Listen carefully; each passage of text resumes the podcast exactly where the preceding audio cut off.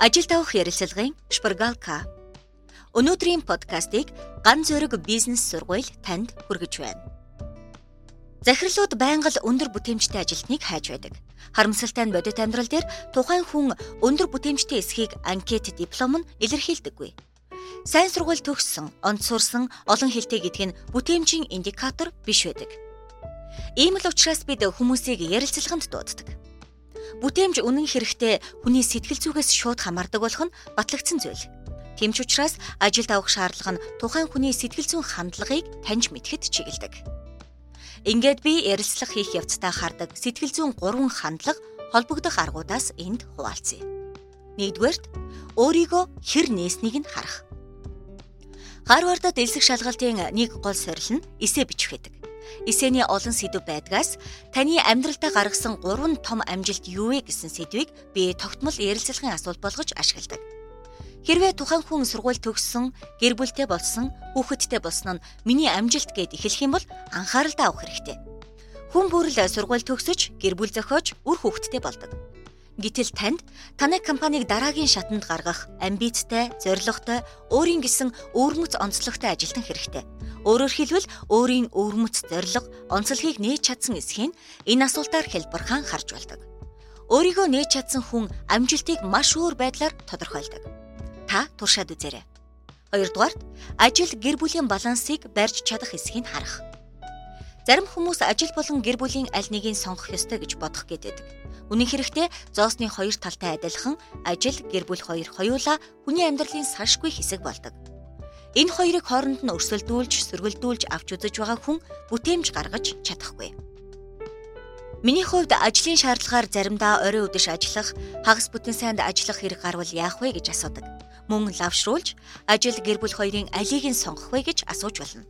Асуултынхаа өнгийг их зөв сонгоорой бид ажил болон гэр бүлийг хооронд нь сөргөлдүүлж аль нэгийг сонгох гээд байгаа хандлага байгаа эсхийг л харах гэж байгаа. Олон хүмүүс манай гэр бүл ийм тийм асуудалтай учраас ажлын бус цагаар илүү цагаар ажиллаж чадахгүй гэж хариулдаг. Үүнийг анхааралтай авах ёстой. Учир нь нэгдүгээрт ажил бол тухайн хүний өөрийнх нь сонголт, дур сонирхол, хобби, мөрөөдөл, зориг, хүсэл эрмэлзэл байх ёстой болохоос биш оноож өгсөн ял биш. Хоёрдугаарт хүн бүр гэр бүлтэй хойноо ямар нэг асуудалтай л байдаг. Тэр асуудлаа ажилтайгаа холж хутгаж байгаа бол сайн хэрэг биш. Жишээ нь марк цуглуулдаг хоббитой хүүхэд хинээрч хилүүлэхгүй өөрөө зохицуулаад орой ажилтай бол өглөө үүрээр өглөө ажилтай бол шүн сууж байгаад марка судалж чана. Тухайн хүний хувьд ажил яг энэнтэй л адил байх учиртай. Хинч хэнийг ч хүчээр ажил хийлгэж чадахгүй шүү дээ. 3 дугаарт өгөгч эсвэл авахч дүрийг тодорхойлох. Бүтээмжинд нөлөөлдөг сэтгэл зүйн бас нэгэн том хүчин зүйл бол тухайн хүний өгөгч эсвэл авахч дүр юм. Зарим хүн сэтгэл зүйн хувьд өгөгч, өөрөөр хэлбэл бусдад өгөх хандлагатай байдаг бол харин зарим хүмүүс хүүхэд насны авахч дүрээсээ салаагүй явж байдаг. Бид хүүхэд байхдаа эцэг эхээсээ хайр инрэл хоолунд хувцас хунар мөнгө төгрөг авсаар өсч том болдог. Бид багш нараасаа боловсрал авдаг. Гэхдээ насанд хүрээд бид эргүүлээд өгч эхлэх ёстой нь хиндэж ойлгомжтой.